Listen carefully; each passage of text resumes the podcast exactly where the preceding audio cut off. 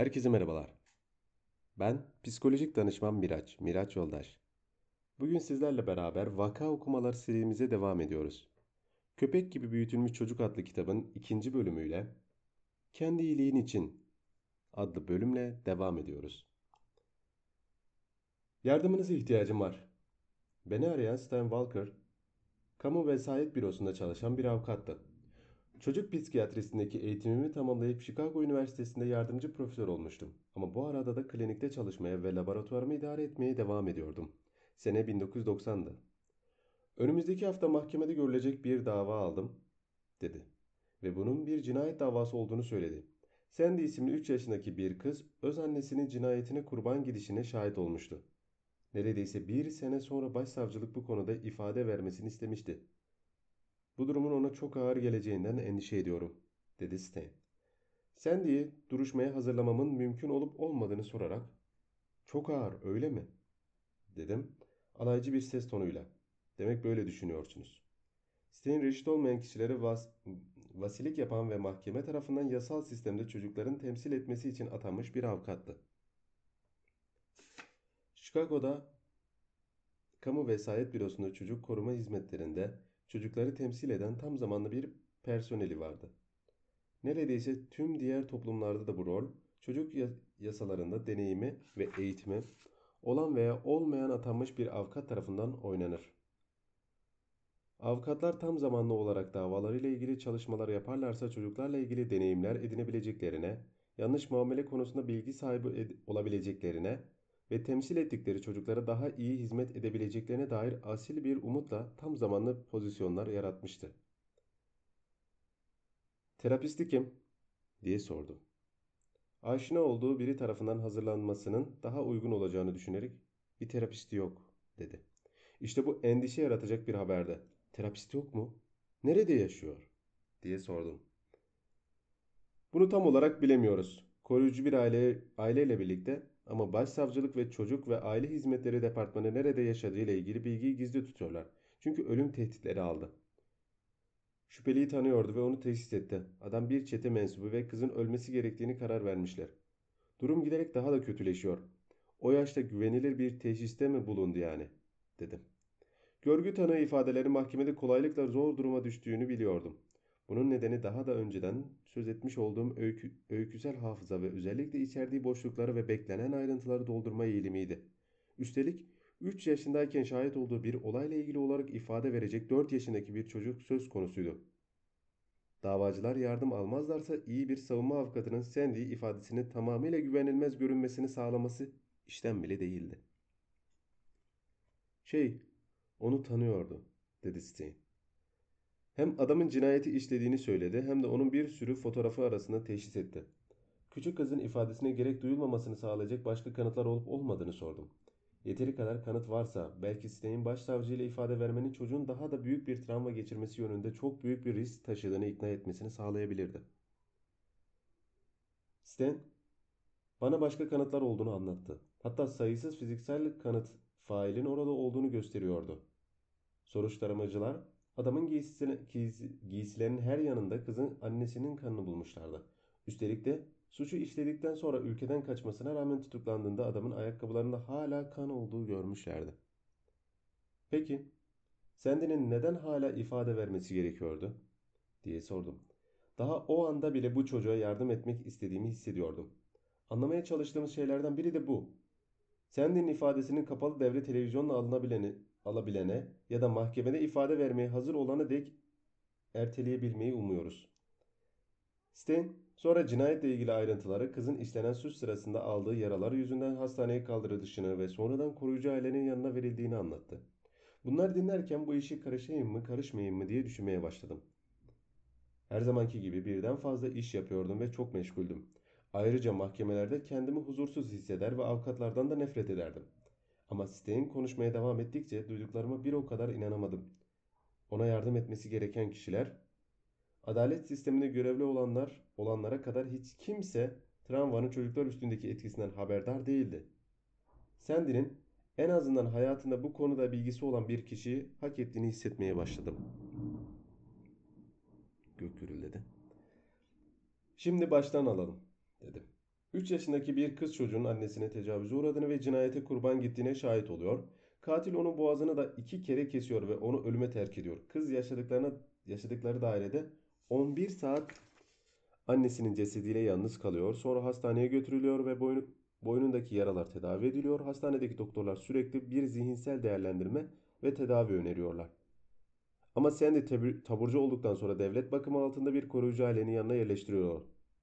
Ona atanan görevli ise onun bir akıl sağlığı uzmanı görünmeye ihtiyaç duymadığını düşünüyor. Böylece doktorların tavsiyesine rağmen Sandy'ye yardım sağlanmıyor. 9 ay boyunca bu çocuk hiçbir danışmanlık veya psikiyatrist bakım hizmeti almadan bir koruyucu ailenin diğerine gidiyor. Çocuğun deneyimlerinin ayrıntılarını da koruyucu ailelerle paylaşılmıyor. Çünkü kızın nerede olduğunu gizli kalması gerekiyor. Doğru mu? Evet sanırım tamamı doğru dedi Stein. Sesimin son derece gergin olduğunu ve durumun o kadar açık bir biçimde anlatınca her şeyin kulağa ne kadar korkunç geldiğini fark etmişti. Bir cinayet davasının başlamasına 10 gün önce mi bu durumun farkına veriyorsunuz? Doğru, dedi utanarak. Ofisinize bu kız hakkında ne zaman bilgi verildi? Aslında davayı bu olayın hemen ardından açtık. Ofisinizde kimse kızın akıl sağlığı desteği alması gerektiğini düşünmedi mi? Davaları genellikle duruşma vakti geldiğinde gözden geçiririz. Adam başına yüzlerce dava düşüyor. Buna şaşırmamıştım. Yüksek risk altında aileler ve çocuklarla baş çalışan kamu sistemleri iş başından aşkında. Tuhaf bir şekilde çocuk akıl sağlığı alanında senelerce aldığım klinik eğitim boyunca çocuk koruma hizmetleri veya özel eğitim veya gençlere adalet sistemleriyle ilgili çok az bilgi edinmiştim. Oysa kliniklerimize gelen çocukların %30'undan fazlası bu sistemlerin birinde veya daha fazlasında yer alıyordu. Hizmetlerin, eğitimin ve bakış açılarının bölünmesi ayrılması hayret vericiydi. Ayrıca bunun çocuklar için son derece yıkıcı olduğunu da öğreniyordum. Onu ne zaman ve nerede görebilirim dedim. Elimde değildi. Sandy'yi ertesi gün mahkemenin ofislerin birinde görüşmeyi kabul ettim. Sandy ile. Stan, Stan'in yardım istemek için beni aramasına şaşırmıştım. O senenin başlarında bana bir intiharname yollamıştı. Dört uzun paragrafta bana danışmanlık yaptığım bir yatılı tedavi merkezindeki çocukları kontrol etmek için koloniden isimli bir ilacın kullanımına dair derhal gerekçe bildirmem gerektiği söylenmişti. Mektupla neler yaptığımı açıklayamayacak olursam vakit kaybetmeden bunu bu deneysel tedavi kesmem gerektiğini söyleniyordu. Yazının altında da kamu vesayet ofisinin resmi yetkiye sahip avukatlarından biri olan Stan Walker'ın imzası vardı. Senin mektubunu aldıktan sonra neden bu ilacı kullandığıma ve bunun ve bunun kesilmesinin neden bir hata olacağını düşündüğümü açıklamak için kendisine ulaştım. Bu yatılı merkezde kalmakta olan çocukların eyaletteki en zor vakalar arasındaydı. Yüzden fazla erkek çocuk ciddi davranışsal ve psikiyatrik sorunlar yüzünden koruyucu ailelerin yanına başarısız olup oraya yollanmıştı. Tesis 7 ile 17 yaş arası erkek çocukları kabul ettiği halde tesisteki hemen her çocuk daha önceden 10 evde yaşamış 10 yaşındaki çocuklardı. Yani en az 10 kadar vekil ebeveyn bu çocuklarla başa çıkmanın mümkün olmadığını düşünmüştü.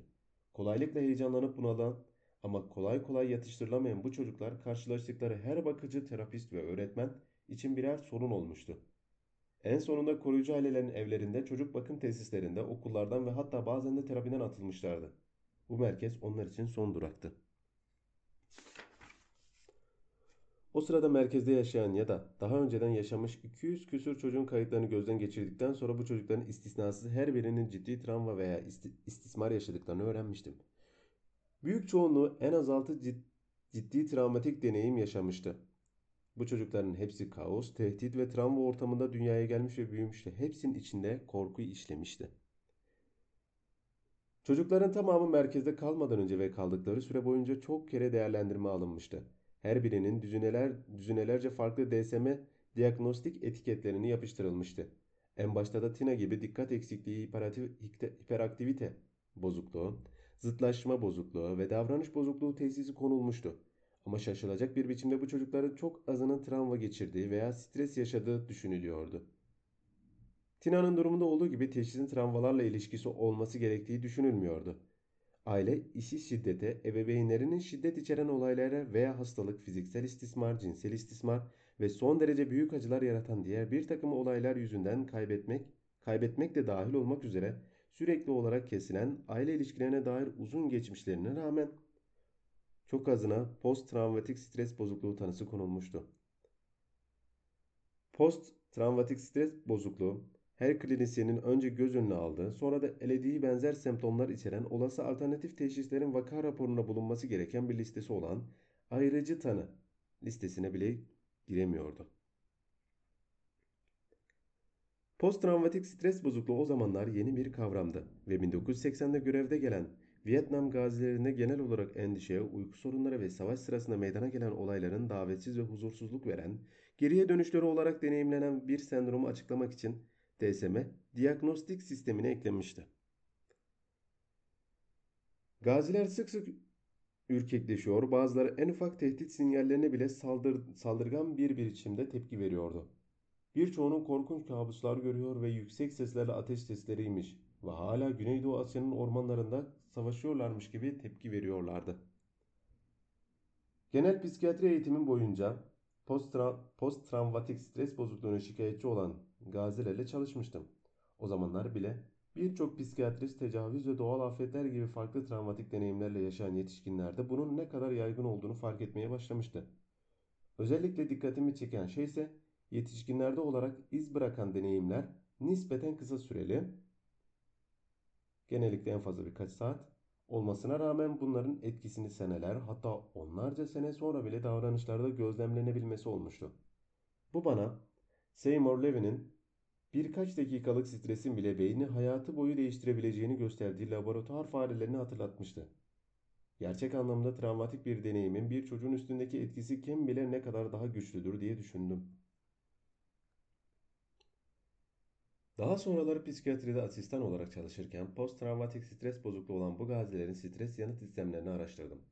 Ben ve diğer araştırmacılar bu gazilerin stres yanıt sistemlerinin aşırı aktif, yani bilim adamlarının hassaslaşmış diye tabir ettiği bir durumda olduğunu gördük. Daha açık ifade etmek gerekirse, ufak çaplı stres yaratan etkenlere maruz kaldıklarında sistemlere büyük bir tehditle karşı karşıya kalmışlar gibi tepki veriyordu.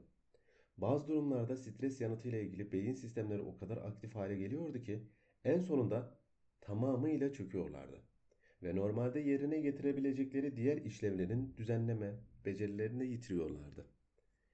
Sonuç olarak beynin ruh hallerine, sosyal etkileşimlerine ve soyut kavramı düzenle, düzenleme kapasiteleri de tehlikeye düşüyordu. Merkezdeki erkek çocuklarla çalıştığım dönemde laboratuvarda stresle ilişkin nöros, nörotsmant söyleyemiyorum. Nörot, transmitter sistemlerinin gelişimini araştırmaya da devam ediyordum. Artık sadece adrenaline ve nöroadrenaline değil, diğer ilgili sistemleri de araştırıyordum. Yani enkafalin ve endorfin olarak bilinen serotoninden, dopaminden ve iç kaynaklı op opioidlerden faydalanan sistemlerde.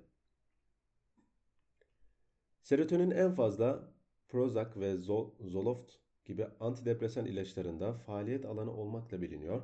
Dopamin ise kokain ve amfetamin gibi uyuşturucularının etkisinin yarattığı keyif ve motivasyonla ilgili olan bir kimyasal olarak tanınıyor. İç kaynaklı opi, opioidlerse beynin doğal ağrı kesicileridir ve eroin, morfin ve benzeri uyuşturuculardan etkilenirler. Tüm bu kimyasallar strese verilen tepkide önemli rol oynarlar. Adrenalin ve nöroadrenalin bedeni kaç veya savaş tepkisi için hazırlar. Dopamin ise kişinin hedeflerine ulaşması için bir yetkinlik ve güç hissi verir. Serotoninin eylemlerinin özelliklerini saptamak biraz daha zordur ama opioidlerin strese ve tehdite karşı verilen tepkilerde gök gürültede tehdide karşı verilen tepkilerde ilgili olabilecekleri her türlü acı hissini dindirdiği, hafiflettiği ve azalttığı biliniyor. Tina'nın dikkat ve dürtülerle ilgili semptomlarının aşırı uyarılmış bir stres sistemiyle ilgili olduğunu anladıktan sonra burada bir parantez açayım. Tina bir önceki bölümde seslendirdiğim kızın ismi hani bölümde geçen kızın ismi dinlemeyenler için böyle bir parantez açtım. Parantezi kapatıp devam ediyorum. Tina'nın dikkat ve dürtülerle ilgili semptomlarının aşırı uyarılmış bir stres sistemiyle ilgili olduğunu anladıktan sonra Stres sistemini sakinleştiren ilaçların onun gibi daha birçok kişiye yardımcı olabileceğini düşünmeye başlamıştım. Eski ve genel olarak güvenli bir ilaç olan klonoidin Uzun süredir tansiyonu genellikle normal olan ama stres altında olduklarında tavan yaparak yüksek tansiyon haline gelen kişilerin tedavi etmek için kullanılıyordu. Klonidin bu tepkiselliğinin sakinleştirilmesine yardımcı oluyordu. Bu ilacın kullanımı ile ilgili bir bir ön çalışma bunun yetişkin savaş gazilerinde post-travmatik stres bozukluğuna bağlı aşırı uyarılma semptomlarının azalttığını göstermişti. Yatılı tedavi merkezinde çocuk, çoğu çocuğun da sergilediği fiziksel semptomların aşırı aktif ve aşırı tepkisel bir stres sistemine uyduğunu bildiğimden Vasiler'in izniyle onlardan kolonide denemeye karar vermiştim. Bu ilaç çoğunda işe yaramıştı. İlaç almaya başladıktan sonra haftalar içinde çocukların dinlenme durumundaki kalp atış hızları normale dönmüş ve uyku düzenleri daha iyi gitmişti. Dikkat açısından daha odaklı hale gelmişler ve dürtüsellikleri azalmıştı. Daha da iyisi notları da birbirleriyle olan sosyal etkileşimleri de iyileşmeye başlamıştı. Tabi bana göre bu şaşılacak bir durum değildi. Stres sistemlerindeki aşırı aktiviteyi azaltan bu ilaç çocukların dikkatini tehdit sinyalleriyle daha az bozulmasını sağlıyordu. Bu da hem akademik materyallere hem de sıradan sosyal ipuçlarına karşı daha ilgili olduklarını, derslerini ve kişilerin arası becerilerini geliştirmelerini sağlamıştı. Steve Walker'ın mektubu elime geçtikten sonra tüm bunları kendisine anlatmıştım. İtirazlarını olduğu gibi geri çekerek beni şaşırtmış ve ona travma ve çocuklarla ilgili biraz daha fazla bilgi yollamamı istemişti. Ne yazık ki kendisine de söylediğim gibi o sıralarda bu konuda yazılmış olan fazla bir araştırma yoktu. Ona bu konuda yazılmış ilk raporlardan ve kendi makalelerimden bazılarını yolladım. O telefon görüşmesine kadar da ondan bir daha haber almadım. Ertesi gün Sandy ile bulaşma, buluşmaya hazırlanırken şahit olduğum olayı onun gözünden hayal etmeye çalıştım. 9 ay önce Sandy kanlar için annesinin çıplak cesedinin üstüne kapanmış bir halde anlamsız bir şekilde sayıklayarak ağlarken bulunmuştu. O zamanlar henüz 4 yaşında bile değildi. Hayatını her gün zihnindeki bu görüntüleri nasıl devam etmişti? Onu ifade vermeyi ve yetişkinler için bile tehdit içeren bir deneyim olan çapraz sorgulamayla yüzleşmeye nasıl hazırlayabilirdim? Nasıl davranacaktı? Parantez açıyorum tekrar burada arkadaşlar. Arkadan ses geliyorsa şu an yağmur yağıyor Malatya'da. O yüzden ses geliyordur. Ses gelmiyorsa da aldırış etmeyin ve devam edelim. Parantezi kapatıyorum. Nasıl davranacaktı? Bir yandan psikolojik olarak bu olaydan sonra nasıl ayakta kaldığını düşünüyordu. Zihni onun bu travmatik deneyimlerden nasıl korumuştu?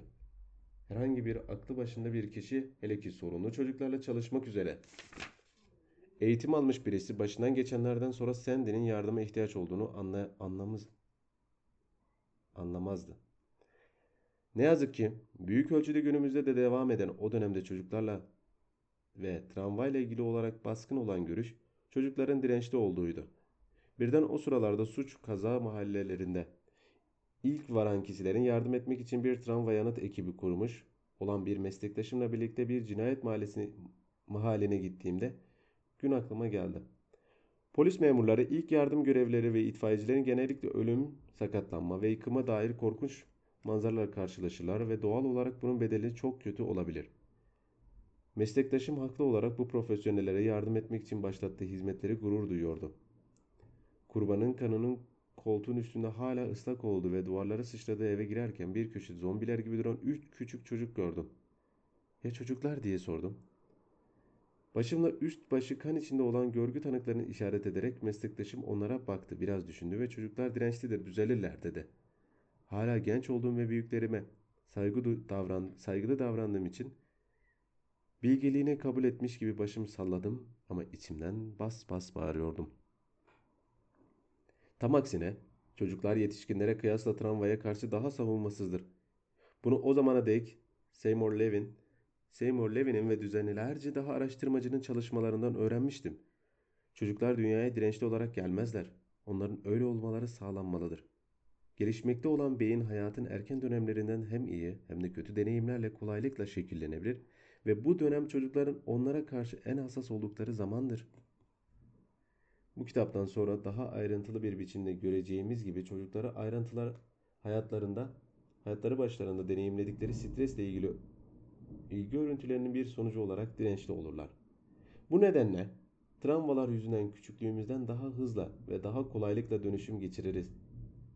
Bunun etkileri eğitimsiz gözlerle her zaman bariz olmasa da travmanın çocuklara neler yapabileceğini bildiğinizde ne yazık ki her yerde bunun olumsuz sonuçlarını görmeye başlarsınız.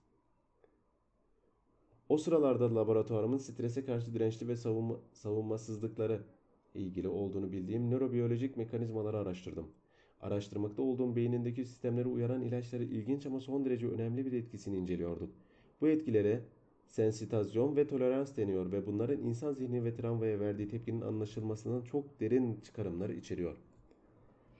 Sensitazyon bir uyarıcı örüntüsü gelecekte yaşanacak benzeri uyarıcılara karşı hassasiyetin artmasına neden oluyor. Vietnam gazilerinde ve strese karşı genetik olarak aşırı hassas olan veya bunu genç yaşta maruz kaldıkları için hastalaşan farelerden bunu görmüştük. Beyin hassaslaştığında ufak stres etkenleri bile büyük tepkiler verebilmesini tetikliyordu. Buna karşılık tolerans kişinin bir deneyime karşı verdiği tepkiyi zamanla yumuşatıyordu. Her iki unsur da hafızanın işlevi açısından önemli. Tanıdık deneyimlere karşı tolerans geliştirmezsek bunlar bize her zaman yeni ve potansiyel olarak baş, başa çıkılmayacak olaylar gibi görünüyordu. Beyin muhtemelen eskisi gibi bilgisayar gibi eski bir bilgisayar gibi depolama kapasitesini tüketir. Benzer şekilde belirli şeylere karşı giderek daha da hassaslaşmazsak bunlara tepki vermekten de bir ilerleme sağlamamız mümkün olmaz. İlginçtir ama her iki etki alanı da ilacın içinde miktarda verilmesiyle elde edilebiliyor. Ama ilaç kullanım şekli farklıysa tamamıyla zıt sonuçlar alınıyordu. Mesela bir fareye veya insana kokain veya eroin gibi dopamin ve opoid sistemlerinin sistemlerinde etkili olan uyuşturuculardan ufak ve sık dozlar verilirse uyuşturucuların güçlerini yitiriyorlar. Bu kısmen bağımlılıkta yaşanan bir durum. Bağımlı tolerans geliştiriyor ve aynı etki elde edebilmek için daha fazla uyuşturucuya gerek duyuyor. Buna karşılık bir hayvana her gün tıpatıp aynı miktarda ama daha da yüksek dozda ve seyrek aralıklarla uyuşturucu verildiğinizde uyuşturucu ciddi bir güç kazanıyor. 2 hafta içinde birinci günde hafif bir tepkiye neden olan bir doz 14. gün çok daha güçlü ve uzun süren bir aşırı tepki neden olabiliyor. Bazı durumlarda bir uyuşturucuya karşı hassasiyet geliştirmek felce ve hatta ölüme neden olabiliyor. Bu da başka bir şekilde açıklanamayan uyuşturucu doz, doz aşımından sorumlu olabilecek bir fenomen. Ne yazık ki uyuşturucunun bağımlılıklarına uyuşturucuya ihtiyaç duymanın arzu ettiklerinin etkiye karşı hassasiyet değil, tolerans oluşturan kullanım örüntülerini oluştururken bir yandan da kokain kullanımı ile ilişkilendirilen paranoya gibi bazı istenmeyen etkilerde yaratan hassasiyete de neden oluyorlar.